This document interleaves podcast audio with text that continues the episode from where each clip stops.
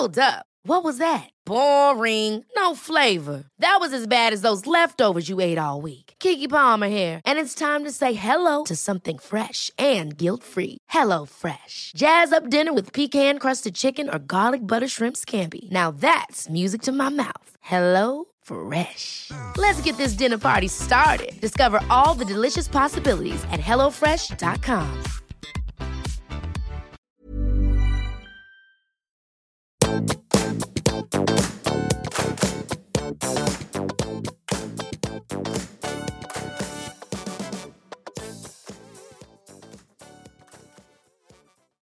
alle sammen, og velkommen tilbake til podkasten Karriereveiledning med Elaine.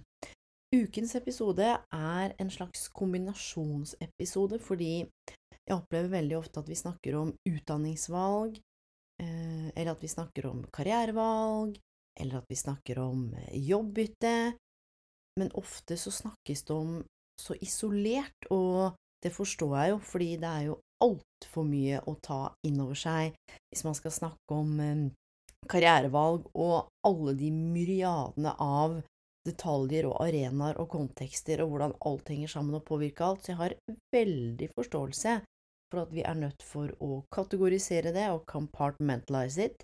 Samtidig, i denne episoden her, så er den til deg som eh, er ung voksen, den er til deg som har vurdert videre- og etterutdanning, den er til deg som kanskje er tenåringsforeldre, den er til deg som har bare lyst på litt inspirasjon, kanskje du får en ny tanke eller følelse herfra. Og poenget her er at denne episoden her handler om utdanningsvalg, om fremtidens arbeidsmarked, og om det å feel worthy, altså det å ha en god, sunn, stabil, eh, stødig, altså god selvfølelse, et godt selvbilde, for det er jo kanskje noe av det viktigste en kan ha hvis en skal eh, ta, virkelig ta gode valg. Samtidig så er det jo sånn at når du er kanskje 15, 16, 17, 18, 19, 20 og langt oppover òg, så er det noe i forskjellige brytningsperioder. Det er jo ikke sånn at man løper rundt bestandig og tenker at oh, jeg har så innmari god selvfølelse. Her handler det mye om hva vennene tenker, eh, kanskje man lar seg påvirke av selvfølgelig på TikTok, sosiale medier, alle disse plattformene, og ikke minst så har de voksne også en veldig viktig stemme. Men uansett om du står overfor utdanningsvalg sammen med din unge voksen, eller du er unge voksen selv, eller kanskje du jobber med unge voksne, så er den episoden her til deg. Og det jeg har lyst til å starte med det, det handler om hvordan vi kan kultivere eller utvikle et sunt selvbilde. Hvordan kan vi støtte andre også i å tenke gode, eh, fine tanker om seg sjøl. Se for deg hvis du tar et eh, blankt papir. Så tar du det papiret, og så krøller du det sammen alt du kan. Og når du har krølla det sammen og most det og tråkka litt på det og hoppa på det, så kan du brette ut igjen. Så ser du at papiret er jo likevel der, det har fått noen krøller, kanskje det har fått noen rifter, men det er nå like fullt et papir, da. Og det er en sånn metafor på livet også jo eldre vi blir, sånn som jeg er jo 40 år og 5 måneder nå. Eh, du, det, det, blanke papirarket mitt, det har blitt krølla, det er noen rifter i kantene, jeg tror det er en liten sånn skramme på midten der, du, det er, det er nesten til å le av noen ganger. Samtidig så er det jo sånn for oss som er litt eldre, at jo mer livet skjer, jo mer en også kjenner at det handler ikke om hva som skjer, men hvordan en står i det, føler om det, tenker om det, lener seg inn, jo stødigere står en. Og er det én ting som jeg veit er viktig, særlig for oss som kanskje kjenner på frykt, usikkerhet, uro rundt utdanningsvalg, hva skal jeg bli, hva skal jeg gjøre, så er det noe med ikke løpe fra de følelsene, men det er å lene seg inn i de følelsene om du er 16, kanskje sammen med en voksen, at en voksen er flink til å utforske hva er det som gjør at du er redd for å velge feil, eller hva som gjør at ikke du vil. Fordi hvis vi begynner å lene oss inn i de følelsene som er litt ubehagelige, så er det en invitasjon der til å finne ut av noe nytt som vi trenger kanskje for å ta det neste steget, eller som vi trenger i den neste sesongen av livet. Og er det én ting jeg har lært som jeg har lyst til å ha med som en sånn liten hack på siden, hvis du kjenner på sorg over at alle vennene dine skal til NTNU, eller kanskje du kjenner på Eh, at du er kjempelei deg for et eller annet, eller det er et eller annet som gjør åh, at du kjenner på ubehag, så kan du godt numme og scrolle og trene og løpe og hoppe og ha en full avtalebok, men sorg, frykt, uro, alle de tingene, det venter på deg. Når det da plutselig blir stille på kvelden, for eksempel, så kommer det. Så det å sette av små lommer til å reflektere, til å tenke, og ikke bare om du er 16, men også om du er voksen, fordi det er noe fellesmenneskelig her, så tenker jeg ved å øve på å lene seg inn i litt av det som er ubehagelig, det, det er faktisk en invitasjon for mange. Også det kan kjennes stressende for mange, kan kjennes ubehagelig for mange å stå overfor utdanningsvalg, dette vet jeg, fordi jeg har reist rundt på masse videregående skoler, privat og offentlig, på land og strand, og møtt eh, flere hundrevis av eh, ungdom, unge voksne, som står overfor utdanningsvalg. Så la oss hoppe i det. Vi må se litt på en sunn selvfølelse, for det handler jo om å vite at du er av verdi uavhengig av hva som skjer, uavhengig av ytterpåvirkninger, uavhengig av hva du produserer, hva du skaper. Det er å liksom, kjenne inni seg at den du er og verdien du har som menneske, handler ikke om hvordan du ser ut, hva du gjør, hva du oppnår, hva du velger, hvor du bor, hvor mye penger du har, hvilke klær du har. Det handler om å anerkjenne og respektere seg sjøl, selvrespekt, stole på seg sjøl med alt det en er, da, med styrker og svakheter, eller utfordringsmuligheter, jeg liker ikke å kalle det svakheter. Selvtillit, ikke sant, det handler om at du kan prestere når det gjelder oppgaver, men den selvfølelsen handler om en sånn slags indre ro når du går rundt i verden, at du, alle andre holder, på, holder på med sitt, altså det å sammenligne seg med alle andre, uh, det virker som om alle andre har funnet ut av jobben sin, livet sitt, familien sin, partnerskapet sitt, men så er det jo ikke alltid sånn. Og det å stole på seg sjøl og sin egen dømmekraft er grunnleggende, og nå sier jeg ikke at det er lett, altså. Særlig ikke når vi er unge, her trenger vi selvfølgelig råd og veiledning, og det kan vi trenge som voksne òg. Men er det én ting jeg veit i livet mitt, så er det også at vi er vår egen beste karriereveileder, vi er vår egen beste coach, fordi den bitte, bitte lille stemmen inni oss, den veit, altså følelsene våre er som et slags kompass, og det å begynne å kjenne etter og kunne koble hode og hjerte sammen, det kan både gjøre at vi blir eh, mer resiliente i oppturer og nedturer, men det er noe med å finne ting ved deg som menneske som du liker, se på hva slags holdning du har til deg selv, og det at vi voksne også er med på å støtte og bygge opp under en solid selvfølelse, ikke sant, som et godt fundament for de unge voksne, ikke bare rose på hva de presterer, hvordan de ser ut, hva de får til, men også for hvem de er. Hvorfor er dette viktig? Jo, fordi det er en quote um, som jeg leste som går som følger Altså, du får ikke det du fortjener eller det du har lyst på. You get uh, what you believe that you're worthy of. Så hvis du opplever at du er verdig gode, trygge relasjoner, så vil du også um, finne det, fordi når du er i utrygge og ikke gode relasjoner, så vil du jo ikke finne deg i det, for du veit at du er verdt noe mer. Samme er det, ikke sant, i, i relasjoner eller i jobben, eller du, ikke, du tar liksom ikke til takke med å velge noe som du veit at ikke er verdig deg.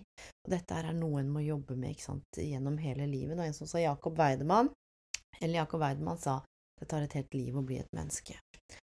Så det med den selvfølelsen er noe av grunnlaget også for å navigere i valg, om det er etterutdanning eller videreutdanning, eller særlig utdanningsvalg for unge voksne, fordi vi hører så mye om fremtidens arbeidsliv nå. Jeg studerer fremtidens arbeidsliv, og jeg ser hvordan det henger sammen med arbeidspsykologien, karriereveiledningen, coachingen, pedagogikken. Altså, åh, alt det jeg har studert, alt er så intertwined. Og noen trekk da inn mot fremtidens arbeidsliv det handler jo om at vi er inne i den fjerde industrielle revolusjonen nå, som er drevet av teknologiske fremskritt. Forskjellen fra eh, der vi er nå, med teknologi, og der vi var før, at teknologien integreres jo i hverdagen vår. Før så var det en stor maskin eh, som mennesket styrte, mens nå er det jo sånn at eh, ja, vi er omtrent en sånn symbiose. Vi, vi lever jo i hverandre og om hverandre. En ting det kommer til å komme mer av, det er den fjernarbeidende generasjonen, Fjernarbeid det har blitt stadig mer populært, og det handler jo om under covid, ikke sant, at vi ble nødt til å jobbe hjemme. Og det er fortsatt mange som har hjemmekontor, det er fortsatt mange som jobber hjemmefra, og vi kommer til å se enda mer av det i fremtiden som kommer. Og dette er jo spennende, da, i forhold til at det utfordrer tradisjonelle kontordynamikker, arbeidsmiljø, organisering av fremtidens arbeidsliv, og, og, ikke minst da, hvordan arbeidsgiver også forholder seg til samarbeid, kommunikasjonsstrategier, hvordan de overvåker eller ikke. Det er masse etiske implikasjoner. Så en ting som er viktig da, med utdanningsvalg, er å reflektere over ok, fjernarbeid, det betyr jo å sitte kanskje en del på hjemmekontor. Som sykepleier så må du være ganske mye til stede. Her er det jo ikke noe fjernarbeid, jeg liker å være rundt folk, liker omsorg, men her må man også kanskje tenke at sykepleieryrket er jo ikke det det har vært lenger. Etter hvert nå, vi vet jo at det er jo KI som kan hjelpe til med å oppdage brudd, det kan jo være KI som kan utdele medisiner, ikke sant, og det kan jo være med på å gjøre at sykepleieryrket eh, får mer tid til det mellommenneskelige, for eksempel. Og det å reflektere over kunne jeg tenke meg å ha en jobb som krever fjernarbeid, kunne jeg tenke meg å ha en jobb som er on site, og hva innebærer det, da? Så det er liksom én ting, fjernarbeid. Eh, nummer to er jo gig-økonomien. Oh, den er på fremfart. Og gig-økonomien den fortsetter å vokse, og gig-økonomien handler om at man har ikke bare én jobb lenger. Her har man ikke sant, gig når man har eh, eh, Rockeband før da hadde jo went out on tour and had gigs. Det betyr at du har flere gigger. Det gir fleksibilitet og autonomi for den som jobber, ikke sant. Kanskje du både er forfatter, du er frilanser, du er fotograf, der du gjør sånn. Du har flere jobber, du har flere gigs. Utfordringen her er jo at du kanskje går glipp av noe stabilt, Kanskje du opplever spørsmål om jobbusikkerhet, kanskje du lurer på arbeidsrettighetene dine hvis du bare leier deg ut som frilanser masse steder, har mange forskjellige jobber, kanskje du har en egen app eller plattform hvor folk kan booke jobbene dine. Hvilke rettigheter har du, og hva er det du har beskytta da, ikke sant? Så det kan jo være at det kommer til å oppleves som sånn å ikke ha noe tilhørighet, men bare være en midlertidig del av noe. Dette er også litt viktig tilbake til det med fjernarbeid. Hvis du er ekstremt sosial og har veldig behov for å være rundt folk og er ekstrovert, er det jo kanskje ikke så lurt å ende opp med å sitte aleine på et kontor og trykke på en knapp. Eller hvis du virkelig er opptatt av trygghet og forutsigbarhet, så er kanskje ikke gig-økonomi eller det å ta en del av gig-økonomien eh, det viktigste. Så det handler om å se litt på hvilke drivere er det vi opplever at vi har nå, hva er det du tror du trenger nå, men det kan jo endre seg om 3, 7, 5, 10 og 15 år, fordi vi er jo hele tiden i endring. Den tredje tingen da, i fremtidens arbeidsliv er jo automatisering og KI. Og innen 2030 var det anslått at opptil 800 millioner jobber over hele verden kan bli automatiserte. Og dette er fra McKinsey, da, for Global Institute. Samtidig så er det noen, eh, Osborne og Frey, forskere, som sier at ok, Hør nå, 47% av alle arbeidsoppgaver kommer til å automatiseres, og OECD har justert ned tallet til at 10% av alle jobber kommer til å forsvinne. Så når vi snakker om at 800 millioner jobber forsvinner, og alt forsvinner, så er det ikke hele jobber. Ofte så er det arbe arbeidsoppgaver. Så automatiseringen og KI kommer selvfølgelig til å transformere bransjer, skape nye muligheter, særlig når det gjelder robotikk, datavitenskap, maskinlæring, og mange andre yrker. Og hør nå, det finnes jo masse jobber som også ikke eksisterer. Så her er det jo greit å tenke på også, hvilket forhold har en til KI, er det noen syns er spennende, vil man egentlig jobbe med å, å, å, hogge tømmer, er man praktisk? Altså, det å kjenne litt etter, er du praktisk, er du teoretisk, er du kreativ, er du en som liker å samle eh, data, som liker å forske? Altså, det å bli litt kjent med seg sjøl, for det er jo noe av det som er kjernen her, hvor godt kjenner du deg sjøl, hvor godt kjenner du arbeidsmarkedet som stadig er endring, og hva liksom er broen mellom de to? Og uten tvil, og denne er til dere som vurderer også videreutdanning og etterutdanning og tenker sånn herregud, kanskje du er ung og tenker nå må jeg ta en utdanning for livet, gifte meg med jobben, det er dette jeg må bli. Poenget er at du skal jo ikke bli noen ting, du er allerede alt det du er, men oppgradering av ferdigheter, omskolering og reskilling, det er noe av det viktigste, og 94% av ansatte opplyser til LinkedIn at de ville blitt i bedriften sin lenger hvis det ble investert i karriereutviklingen til de ansatte. Så livslang læring her og upskilling eller reskilling, ferdighetsutvikling, er helt essensielt nå for å være konkurransedyktig i arbeidsmarkedet. Det er både organisasjoner, men også individer.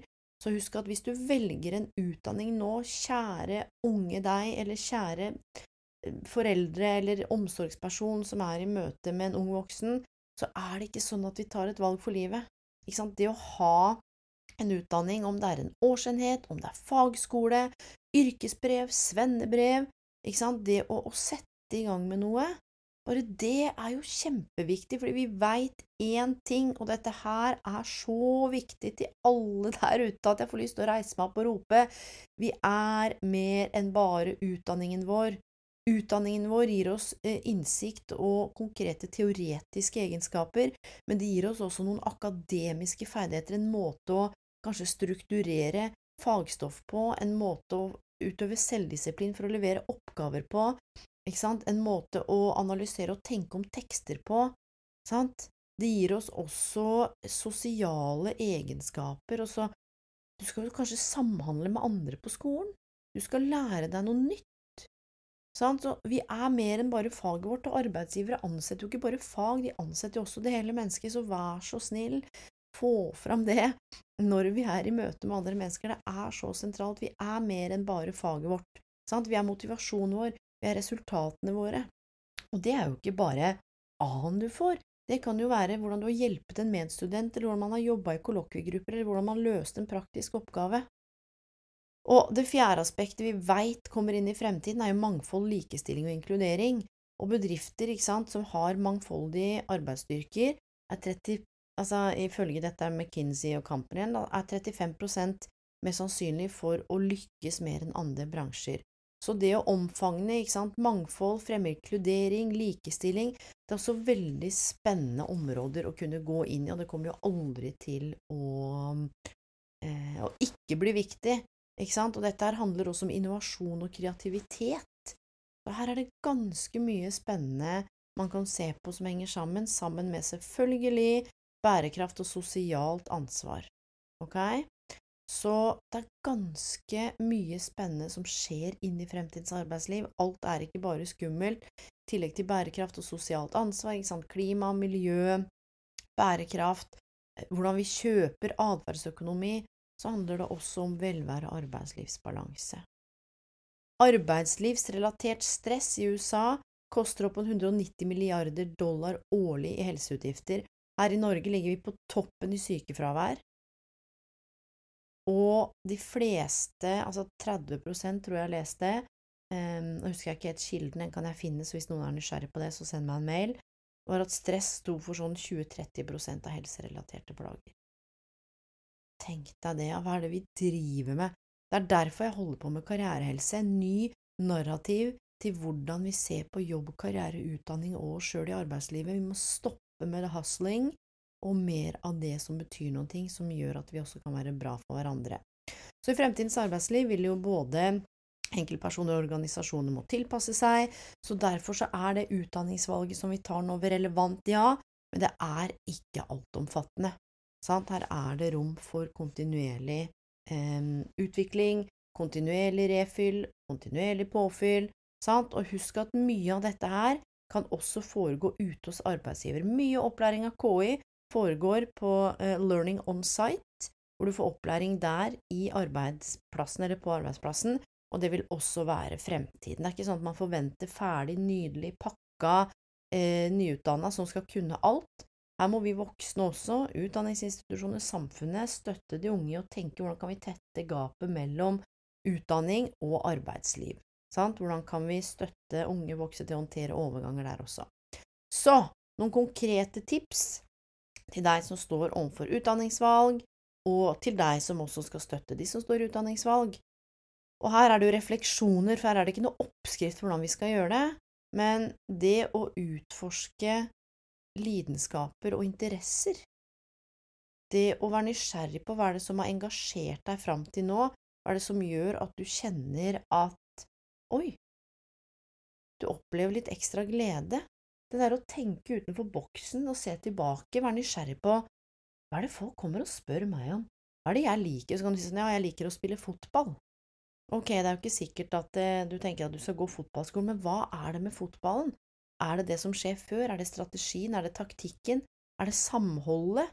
Ok, kanskje er det noe med idrettslinja du skal gå, er det noe med, med, med samhold der, er det noe med lederskap, har du vært kaptein, er du en som liker å… Ikke sant, det å bruke noen av interessene, ikke sant, for ofte er det sånn finn ut av lidenskapene dine, gå for det. Nei, nei, nei. I lidenskapen og interessene dine så er det små gaver du kan pakke ut og stille nettopp de spørsmålene jeg gjorde nå, for å se på hva det kan handle om. Sånn? Så det å utforske interesser, egenskaper, men å pakke det ut og se hva Omsorg. Ok, fotball, omsorg, lederskap, samhold. Ah, hva kan det handle om? Organisasjoner, samhold, lag, kaptein, lederskap, spille andre gode. Oi! Er det noe her på, innenfor idrett som handler om ledelse, eh, trening, altså gymlærer? Kroppsøvnings... Nei, vent litt nå. Så kan man begynne å, å leke litt og reflektere litt. Nummer to handler om å være litt åpen, da, og det er jo ikke alltid eh, det er en bra ting, fordi det finnes jo 1 milliard 770 karrierevalg, eller utdanningsvalg. Det betyr ikke at det trenger å være så vanskelig, for husk at narrativet om at det er så vanskelig, litt sånn som jeg sa innledningsvis, det gjør det også vanskelig. Så det å reflektere over ok, vennene mine gjør sånn, foreldrene mine sier sånn, Kanskje jeg skal bare ta noen sjanser og vite at dette er liksom ikke enden på alt, dette er et innblikk inn i noe, og det er lov til å ta omvalg. Hva hvis vi var bedre til å eksperimentere og oppdage og utforske mer enn at vi tenkte herregud, jeg må ta den utdanningen, for jeg veit hva jeg skal bli, for da får jeg jobb etterpå. Du, arbeidsmarkedet er i endring, og en jobb kommer en stort sett til å få, men og det er alltid fint å vite hva slags jobb du ønsker deg, og hvis du har klare mål, men for deg som ikke har det, så er det en karriereteoretiker som heter John Crumbles, han sa det Don't call yourself undecided hvis ikke du veit hva du vil, call yourself open-minded. Så det å være litt open-minded og tenke ja, det er mange muligheter, men begynne å snevre ned Jeg vil ikke inn i den bransjen, jeg vil ikke inn i den bransjen, jeg vil ikke inn i det. Du kanskje setter igjen med tre ulike bransjer, eller tre ulike veier, og husk å være bevisst på hvem er det som har sagt at det er dumt å bli journalist, for eksempel. Hvis det egentlig har vært noe du elsker å skrive, så nei, det er dumt, og det er stressende, og du, da tenker jeg at vi må gå i dialog med de som sier det, og være nysgjerrig på hva er det som gjør at du egentlig opplever det som stressende, eller hvorfor sier du det, hva liksom, få tak i hva som ligger bak, for det er kanskje én persons subjektive erfaring. Så vi må passe på at ikke vi ikke lar oss vippe av pinna hva alle andre mener. Det er derfor også denne podkasten er et forsøk på litt nøytralitet, litt inspirasjon, litt håp og fremtidstro, og litt sånn det er ikke noe lineære karrierevalg lenger nå, nesten. Du tar den utdanningen og blir i den jobben de neste 50 åra. Du, det der å klatre den karrierestigen, det er passé. Nå må vi se på karrieren vår som byggeklosser, hvor vi legger én kloss av gangen, og når vi har lagt en kloss, så må vi vurdere hvor vi skal legge neste. Og det, punkt nummer tre, snakk med mennesker som jobber steder, snakk med lærestedene, snakk med utdanningsinstitusjonen, der sitter studieveiledere, se hvordan emnet er bygget opp, få informasjon, for det er forskjell på å ta avgjørelser basert på følelser og avgjørelser basert på konkret informasjon. Har du god informasjon, så kan du ta fornuftig valg basert på rasjonalitet og basert på følelser. Nummer fire handler jo selvfølgelig om, som er helt motsetning av det jeg sa på det forrige punktet, eh, ta hensyn til fremtidige jobbmuligheter. Samtidig så tenker jeg her at ha et blikk på hva du vil og ønsker, nå et dobbeltblikk på det, og hva som kan gi deg gode muligheter inn i fremtiden.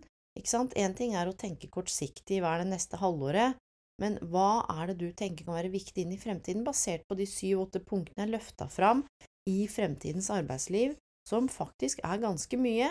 Ikke sant? Hjemmekontor og de fleksibilitetmulighetene her, gigøkonomien med frilansing, automatisering og KI, oppgradering av ferdigheter og omskolering, du tar ikke valg for livet, mangfold, likestilling og inkludering, bærekraft og sosialt ansvar, ikke sant? Velvære, arbeidslivsbalanse, og ikke minst vet vi at helse og teknologi er jo booming. Men helse og teknologi har jo masse inni seg, da. Sånn at eh, det er jo ikke bare én ting, her kan man jo tenke både og. Så er det jo noe med nummer fem, da, at når vi begynner et sted, eller kanskje tar et valg, så veit vi ikke alltid helt hva vi får, eller hva som skjer, så det å øve på å være bitte litt fleksibel og tilpasningsdyktig, det kan også være kjempelurt, ikke sant, være åpen for endringer. Du kommer til å komme inn i nye situasjoner med nye mennesker, nye skoler, og det er der den selvfølelsen Hvis du kjenner at du tør å våge å stole på deg sjøl, vit at du er bra nok som du er, så kan det også være lettere å navigere i de nye situasjonene du kommer i. Nummer seks handler jo selvfølgelig om å søke råd og veiledning. Karriereveiledning.no, gratis veiledning er det over 19. Alle de andre fylkesvise karrieresentrene tilbyr gratis karriereveiledning. Alle skolene skal ha karriereveiledning, veiledning, karriererådgivning. Ikke nøl med å søke hjelp. Det er ikke noe gærent med deg hvis ikke du veit hva du vil. Søk hjelp fra erfarne personer i bransjen, og vær nysgjerrig på hva de sier òg. Hvis noen sier sånn Nei, jeg syns ikke du skal gå den linja der med de karakterene i matte, så må du gå av, ikke sant, noen varsellamper. Å nei, hva tenker du er årsaken til det? Her må vi passe på å gå i dialog, og nå er det veldig få som kommer til å si det til deg. Det er noen sånne skrekkeksempler fra 1970-tallet, liksom. Her handler det om å utforske sammen. Mange av karriereveilederne har masse gode verktøy som gjør at det blir konkret, det blir lettere, sånn at når du skal ta valg, så stoler du på intuisjonen din, følger hjertet ditt, stoler på instinktene dine, og følger liksom det som er riktig og viktig, og finner motet til det. Det å finne motet til å gå for det som er riktig for deg, det er kanskje noe av det viktigste vi kan gjøre. Og selv om vi ikke alltid veit om det er riktig for resten av livet, så tenk sånn her, hva er det neste riktige steget? Du skal ikke vite alt, du skal ikke kunne alt, så det å slippe kontrollen på alt som skjer der fremme, bare vite at ok, hva er det neste riktige steget for meg? Hva er det neste riktige jeg kan gjøre? Jo, det er å sette opp de tre valgene er å sette opp de tre valgene. Kanskje du kommer inn på andre valget, da, og, tredje valget. Hva er det neste riktige da? Velge en av de to. Hva er det neste riktige når du har valgt en av de to? Begynne. Når du begynner, hva er det neste riktige da? Kjenne etter hva du føler. Kanskje det er ok, kanskje du får behov for å bytte. Da veit du det, da. Og den rollen vi voksne spiller, inn i disse prosessene her, er ekstremt viktig, og vi skal ikke undervurdere rollen vår. Mange jeg har jobba med, sier at de har valgt fordi det har vært uuttalte forventninger eller klare forventninger fra foreldre som tenker at de veit best, og det gjør vi også noen ganger, samtidig, ikke alltid. Så vi spiller jo en avgjørende rolle når vi skal støtte unge mennesker i utdanningsvalg, ved å være, og her er litt sånn kommer pekefingeren, ved å være nysgjerrig, ikke formanende, ikke fortelle de hva de skal gjøre, ikke sant? Da tar vi fra dem muligheten til å utforske, resonnere, tenke, ved å være nysgjerrig, bruke coachende kommunikasjon som handler om å lytte aktivt, ikke sant? Det handler om å koble seg på den andre og legge bort litt av ens egne indre dialog, lytte aktivt, stille gode, åpne spørsmål som hva, hvordan, hvem, hvorfor, hvilke, hvilke tanker gjør du da om den retningen der, hvorfor tenker du det, hva skal til for, hvordan, sant? Ved å vise genuin interesse for ungdommens interesser og ambisjoner kan vi skape støttende miljø, skape trygge relasjoner der de føler seg sett og hørt, og tør å si at de er usikre, tør å si at de har lyst til å gå eh, klovneskolen eller trapesskolen, eller tør å si at de er helt på viddene, hvis det er det de opplever sjøl, eller tørre å gå for noe som er ukonvensjonelt, noe kreativt som vi voksne tenker ja, men det gir jo ikke fast inntekt. Coachende kommunikasjon handler om å utforske ungdommens tanker og følelser og ideer gjennom de åpne spørsmålene, og det er her vi oppmuntrer til refleksjon. Finn fram penn og papir, grafisk visualisering, tegn en fjelltopp, tegn noen institusjoner, tegn en bok, hva veit jeg. Gjennom aktiv lytting så viser vi empati, vi validerer og vi forstår perspektivene, samtidig som vi kan være der og gi konstruktive tilbakemeldinger og veiledning når det er nødvendig. Det å skape det trygge rommet der de kan få lov til å være seg sjøl, er tidenes gave pustepause, kjærlighetserklæring og invitasjon til at de unge kan ta informerte beslutninger om egen utdanning og karrieresituasjon.